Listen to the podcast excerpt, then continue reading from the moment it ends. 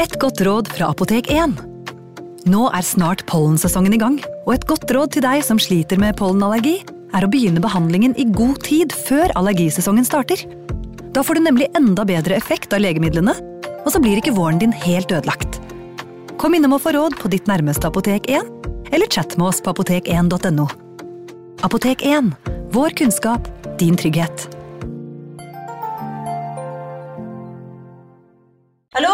Jeg kommer fra Oslo politikammer. Ine Jansen er purk. Er du purk? The motherfucking bitch. Alt jeg vil, er å finne ut hva som skjedde med mannen min. Jon Carew. Er jeg sikta for noe? Iben Akeli. Det er du. Ole So, Lars Berrum og Big Daddy Karsten. Hvem sin side er du på, egentlig? Anette Hoff, Tone Danielsen, Kommer du fra Afrika? Jørnis Josef, Nesten kløfta. Trond Espen Seim, Jeg er synd å si det, men det var feil mann som døde. Purk. Premiere tirsdag på TV2 Play. Hei! Takk for at du lytter til True Crime Podden dokumentar. Skulle du ønske at du kunne høre en ny episode av denne podkasten hver eneste uke? Vel, da er det bare å laste ned podkastappen Untold med en gang. I tillegg til ukentlige episoder av podkaster som Skrekkpodden, Synderne og True Crime Podden, får du masse annet reklamefritt og eksklusivt innhold. Last ned Untold i AppStore eller Google Play, og start din 30 dagers prøveperiode i dag. you.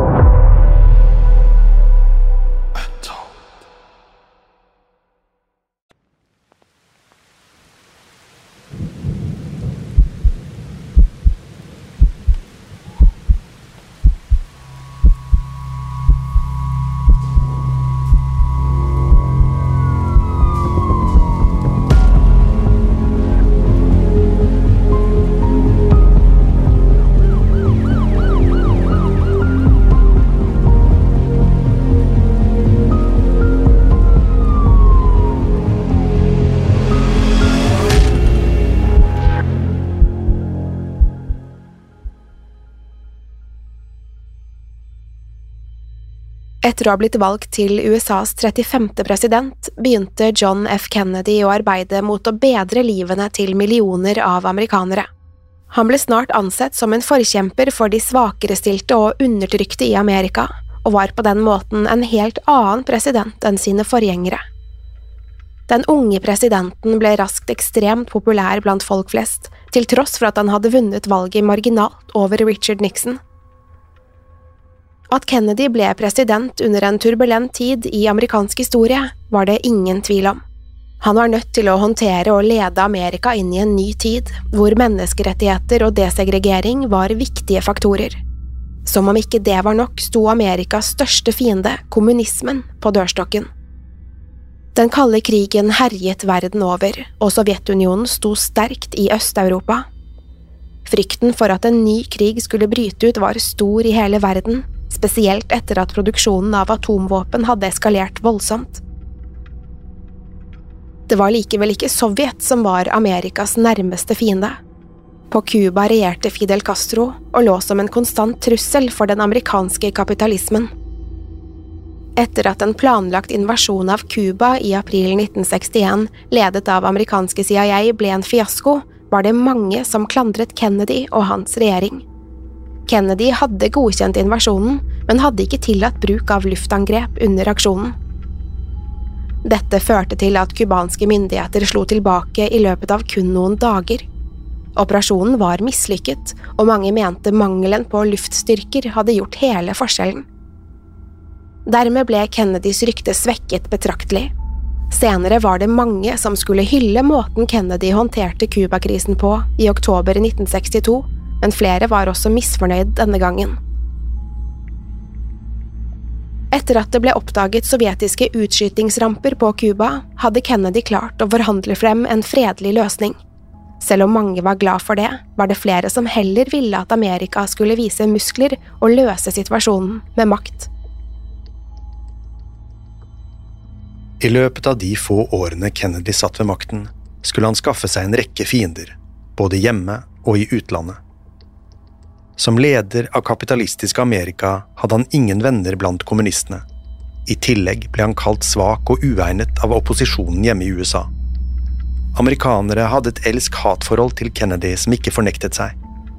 Enten var man en dedikert tilhenger av den unge presidenten, eller så ønsket man å se ham fjernet fra Det hvite hus. Da høsten 1963 nærmet seg, og det kun var ett års tid igjen av Kennedys første periode som president, innså han at det var på tide å starte kampanjene for neste valg. Selv om Kennedys kandidatur sto sterkt i mange av de viktigste statene, var det fremdeles flere av de tradisjonelle republikanske statene som motsto ham.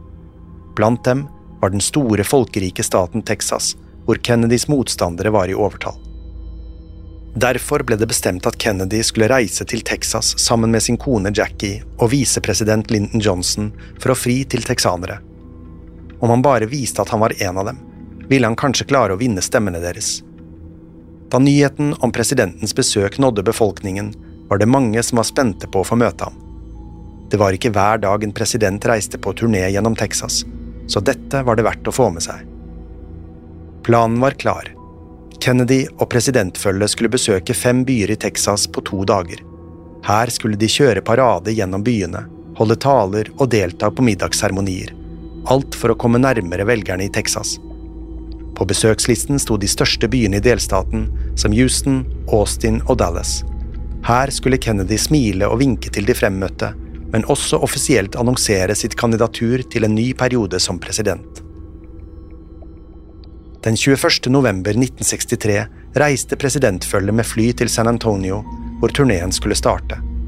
Der skulle de møte annet John Connolly, guvernøren i Texas, og hans kone Nellie. Derfra bar det videre til Houston, før dagen endte i Fort Worth. Der skulle Kennedy overnatte på det historiske Hotell Texas, før turneen fortsatte til Dallas og Austin neste dag. Titusenvis av fremmøtte sto spent langs gatene og ventet på den unge presidenten. Mange sto med flagg og kikket forventningsfullt fra bak sperrebåndene, mens de pratet seg imellom og speidet etter presidenten. Den første dagen av turneen hadde vært en suksess. John og Jackie hadde hilst blidt på tilskuerne og holdt inspirerende taler hvor enn de dro. Likevel var det dag to av turneen som var den viktigste. Nå skulle de til de største byene i delstaten, og det var her John skulle annonsere kandidaturet sitt til valget i november 1964. Om morgenen den 22. november våknet John tidlig for å gjøre seg klar for dagen. Første stopp var en frokostseremoni i Fort Worth. Derfra skulle presidentfølget fly den korte veien til Lovefield flyplass i Dallas, hvor en konvoi av biler ventet på dem. Blant dem var presidentens egen Lincoln Continental limousin uten tak.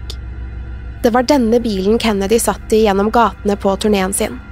På den måten kunne han bli sett av alle de fremmøtte langs ruten, og vinke blidt til dem fra baksetet.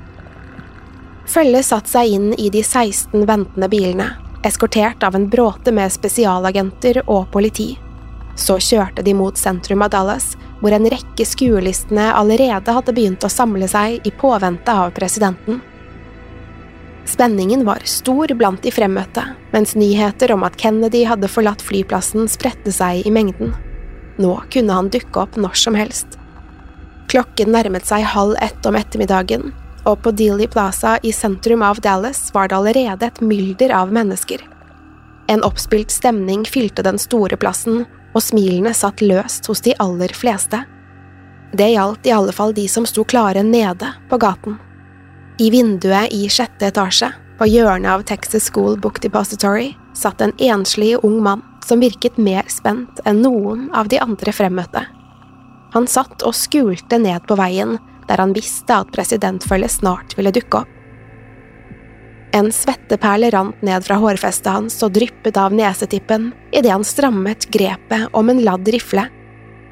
Mannens navn var Lee Harvey Oswald, og han hadde kun ett mål for øye – å skyte og drepe den unge presidenten idet han kjørte gjennom Dealey Plaza. Lee Harvey Oswald ble født i oktober 1939 i New Orleans og skulle vokse opp uten en far. Robert Edward Oswald skulle dø av et hjerteinfarkt kun to måneder før sønnen ble født, og etterlot seg Oswalds mor, Margaret Oswald selv, og hans eldre bror, Robert jr. Livet som eneforsørger skulle snart bli vanskelig for Margaret. I 1941 sendte hun derfor Robert jr. på kostskole, og forsøkte å sette Oswald bort på et barnehjem. Hun skulle likevel ikke lykkes i det siste, da Oswald fremdeles var for ung for barnehjemmet. Dermed var lille Oswald fanget med en mor som ikke hadde tid eller overskudd til å forsørge ham. I 1944 bestemte hun seg derfor for å gi familien en ny start og flyttet fra New Orleans til Dallas. Der skulle unge Oswald begynne på skole.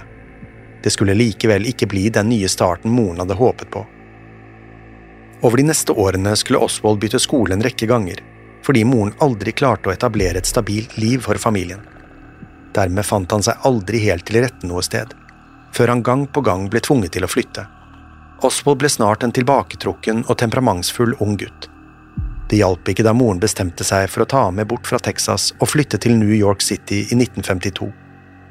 Her fikk Margaret seg en jobb, men timene var lange og harde, noe som førte til at gutten hennes var nødt til å lære seg å ta vare på seg selv.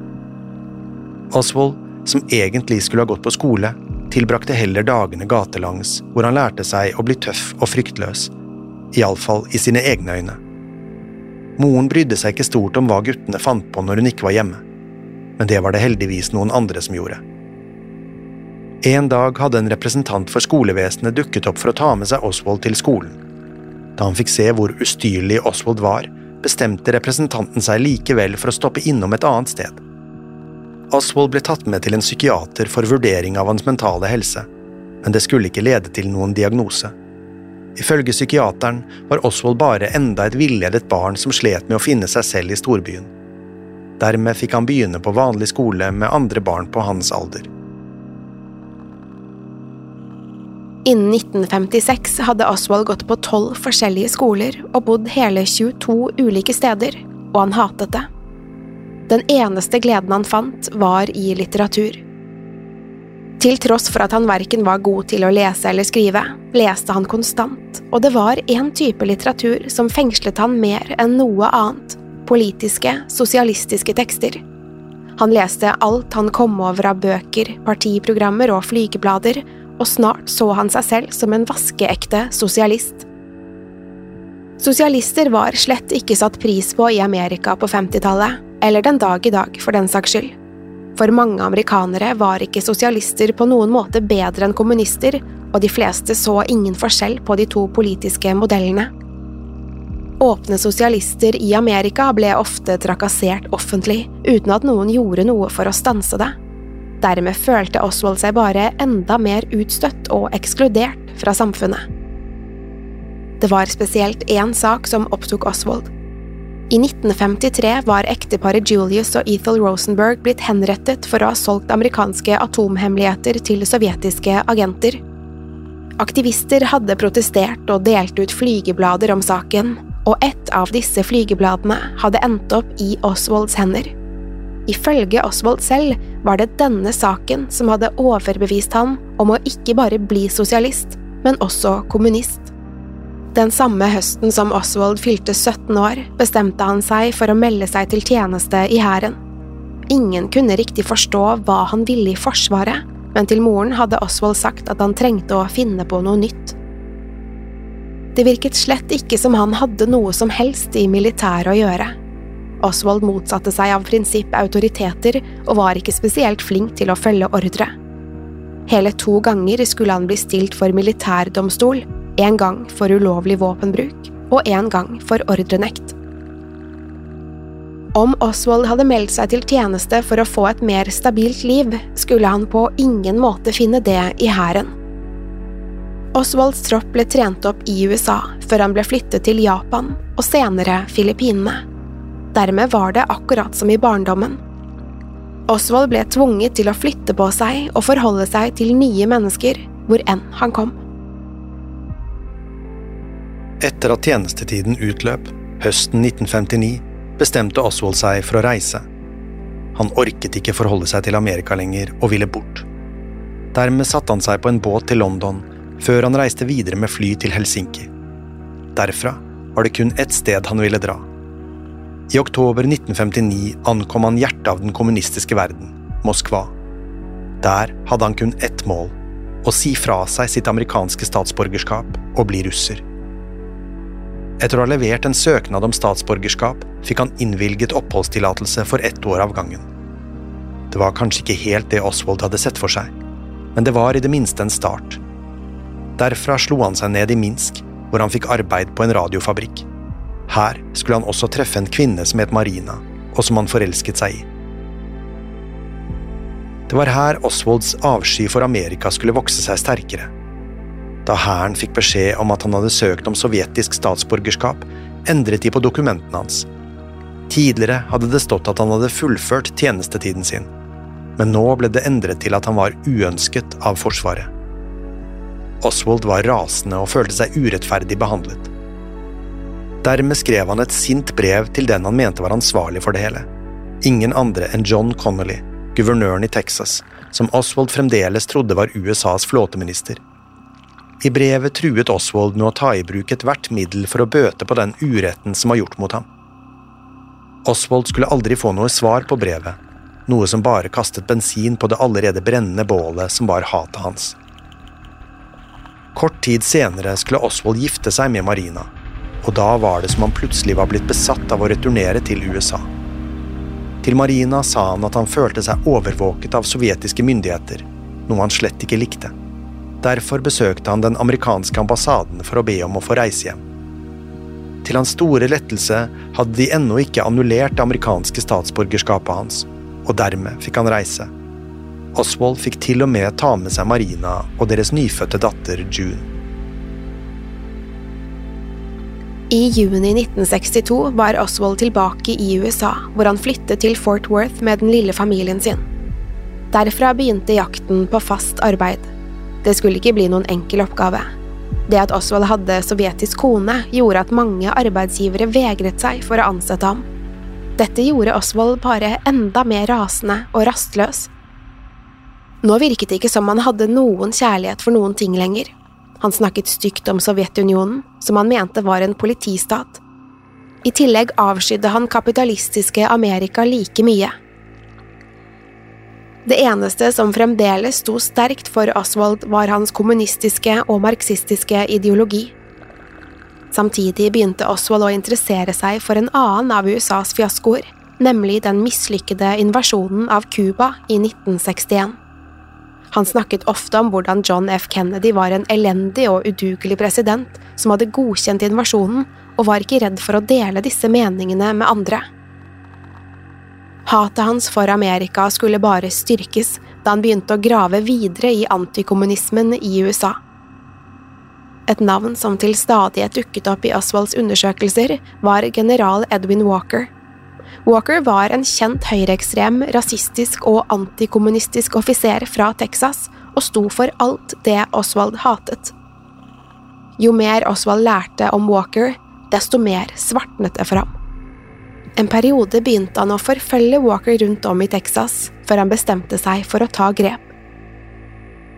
En kveld i april 1963 hadde Oswald kommet hjem til Marina og var likblek i ansiktet. Da Marina hadde spurt hva som var galt, stirret Oswald bare stivt fremfor seg og sa han hadde skutt general Walker. Marina ante ikke hvem Walker var, og trodde først ikke på ektemannen. Det var ikke før neste morgen at hun med gru leste i avisene at en ukjent mann faktisk hadde skutt etter generalen gjennom stuevinduet hans. Likevel hadde skytteren bommet, og Walker var fremdeles i live. Oswald virket opprørt over nyheten. Han hadde begått sitt aller første drapsforsøk og mislykkes. Den påfølgende måneden skulle Oswald gjøre noe ingen helt har forstått i ettertid. En dag hadde han satt seg på en buss til Mexico, hvor han besøkte de cubanske og sovjetiske ambassadene. Til tross for at han høyt og tydelig hadde deklarert sitt hat mot Sovjet, ba han om å få komme tilbake. Tanken var å reise via Cuba, men verken Sovjet eller Cuba ville ha noe med Oswald å gjøre. Dermed ble han kastet på dør, og ble nødt til å returnere til Texas. Likevel skulle denne turen få mange til å undre i ettertid. Hva skulle Oswald egentlig i Sovjet? Som han påsto at han hatet. Tilbake i Texas skulle Oswald endelig lykkes i å finne en jobb da han fikk en stilling på Dallas sitt skoleboklager, Texas School Book Depository. Det betydde likevel at han var nødt til å ukependle mellom Fort Worth og Dallas. Helgene tilbrakte han hjemme med Marina, men i ukedagene bodde han på en liten hybel i Dallas. Hver fredag ettermiddag kom han hjem og ble værende frem til mandag morgen, da han reiste til Dallas med en kollega. Selv om Oswald trolig var frustrert over at han ikke hadde fått innreisetillatelse til Sovjet, viste han det ikke. Tvert imot virket han roligere og mer tilfreds enn noen gang. Det var som han hadde startet et nytt kapittel i livet sitt, og alt virket normalt. Om noen hadde visst hva som i virkeligheten brygget på innsiden av Oswalds hode, ville de kanskje ha sett det på ham. Den 21. november 1963 skulle de første tegnene på at noe var fryktelig galt, dukke opp. Det var den første dagen av president Kennedys Texas-turné, men for de fleste var det en helt vanlig torsdag. Den dagen hadde Oswald dukket opp hjemme i Fort Worth. Dette var merkelig, da Marina ikke forventet ham før neste dag. Oswald tilbrakte dagen med familien, og da kvelden kom, la han seg i sengen med Marina. Tidlig neste morgen, den 22. november, våknet Marina av at Oswald allerede hadde stått opp og begynt å kle på seg. Han forklarte at han skulle ut og kjøpe nye sko til seg selv og datteren, og at Marina ikke trengte å stå opp. Hun gjorde som han sa og snudde seg i sengen, akkurat idet hun hørte at Oswald la fra seg noe på nattbordet. Like før han skredet ut av rommet, hvisket han for seg selv at datteren kanskje en dag kom til å huske ham. Idet Oswald lukket døren bak seg, åpnet Marina øynene og kikket bort på nattbordet. Der lå Oswalds giftering og 170 dollar i sedler. Det var mer penger enn Marina noen gang hadde sett på en gang. Hva skulle dette bety? Hadde Oswald gått fra henne? Eller var det noe annet i gjære? Før han reiste hjemmefra, gikk Oswald rolig inn i garasjen, hvor han hentet noe fra bak en presenning. Riflen i hendene hans var tung, men ikke uvant for ham. Han hadde tross alt håndtert langt større våpen i Forsvaret. Forsiktig pakket han riflen inn i gråpapir, teipet pakken sammen og la den i bagasjerommet på kollegaens ventende bil. Mannen spurte hva Oswald hadde med seg, og Oswald påsto at det var gardinstenger til hybelen sin. Kollegaen tenkte derfor ikke stort mer over det, og sammen kjørte de til jobb i Dallas. Da de kom frem, hentet Oswald pakken ut av bagasjerommet og bar den med seg inn i bygningen uten at noen reagerte på det. Ingen så for seg at Oswald i virkeligheten hadde tatt med seg et skarpt våpen på jobb. Morgenen forløp uten noen hendelser. Oswald arbeidet som vanlig i sjette etasje på Texas Schoolbook Depository, som oftest uten noen andre i rommet. Av og til kikket han ut av vinduet på folkemengdene som samlet seg nede på gaten i påvente av presidentfølget. Ved vinduet hvilte den lange, grå pakken mot karmen, fremdeles med teipen klebet stramt rundt seg. Oswald flyttet blikket over på den store klokken på veggen som viste tolv. Nå nærmet det seg øyeblikket han hadde ventet på, hans ene sjanse til å gjennomføre planen sin. Om kort tid ville presidentfølget passere rett utenfor Texas School Book Depository, og da var Oswald nødt til å være klar. Han kikket seg rundt og innså at han endelig var blitt helt alene i rommet. Ingen hadde kommet eller gått på over en halvtime, akkurat som Oswald hadde regnet med. Med ett øye på døren plukket han opp pakken ved vinduet. Så pakket han forsiktig ut riflen og krøllet sammen papiret. Med et siste blikk mot den stengte døren bak seg satte han seg til rette ved vinduet og stirret ned mot folkehavet på Dealey Plaza. I vinduene på bygningene rundt kunne han se andre som lente seg ut for å få med seg begivenheten. Nede på gaten hadde mange funnet frem små flagg som de allerede sto og viftet med. Så hørte han det, bruset av forventning fra samtlige der nede. Det slukte nesten lyden av konvoien som akkurat da rundet hjørnet ved Dealey Plaza. Foran Oswald lå målet, president Kennedys egen bil med Kennedy selv, Jackie, guvernør John Connolly og hans kone Nellie. Kun noen få biler bak fulgte visepresident Lyndon Johnson med sin kone. Skjelvende, men bestemt løftet Oswald riflen mot kinnet og siktet seg inn på presidentens bil, som akkurat hadde passert under ham. Han kunne se den unge presidenten smile og vinke til folkemengden, og det samme gjorde resten av følget. Oswald trakk pusten dypt og siktet mot bilen. Så trakk han av.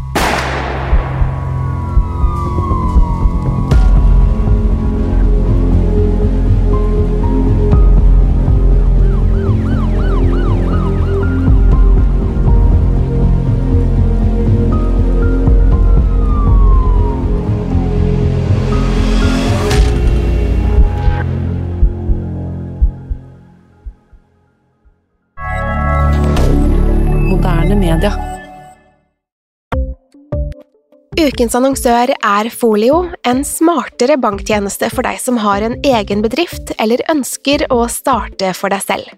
Folio er en superenkel nettbank for bedrifter. Som kunde i Folio får du en bedriftskonto med et bedriftskort og app. I denne appen er det smarte løsninger som forenkler regnskapet ditt, uansett om du har en liten bedrift eller et enkeltpersonsforetak. Folio er både intuitivt og brukervennlig, og er laget med et enkelt språk. I tillegg tilbyr de forutsigbare priser og ingen skjulte gebyrer. Skulle du likevel trenge det, så kan du snakke med deres raske og hyggelige kundeservice, og der får du prate med en faktisk person og ikke en chatbot. Folio er med andre ord både enklere og koseligere enn banken. Over 10 000 bedrifter har allerede valgt Folio som sin banktjeneste, så besøk folio.no og se hvordan Folio kan forenkle din hverdag også. Har du et enkeltpersonforetak eller en liten bedrift? Da er du sikkert lei av å høre meg snakke om hvor enkelt det er med kvitteringer og bilag i fiken, så vi eh, gir oss her, vi. Fordi vi liker enkelt. Fiken superenkelt regnskap. Kiwi er billigst i VGs matbørs og har vært billigst i fire av de fem siste VGs matbørser. Og nå presser vi prisene på frukt og grønnsaker. På 200 gram broccolini setter vi prisen til 24,90. På 400 gram Cevita blåbær setter vi prisen til 49,90. Og husk, alle Kiwi Pluss-kunder får i tillegg 15% trumfbonus på all fersk frukt og grønt. For det er vi som er prispresserne. Og vi i Kiwi gir oss aldri på pris.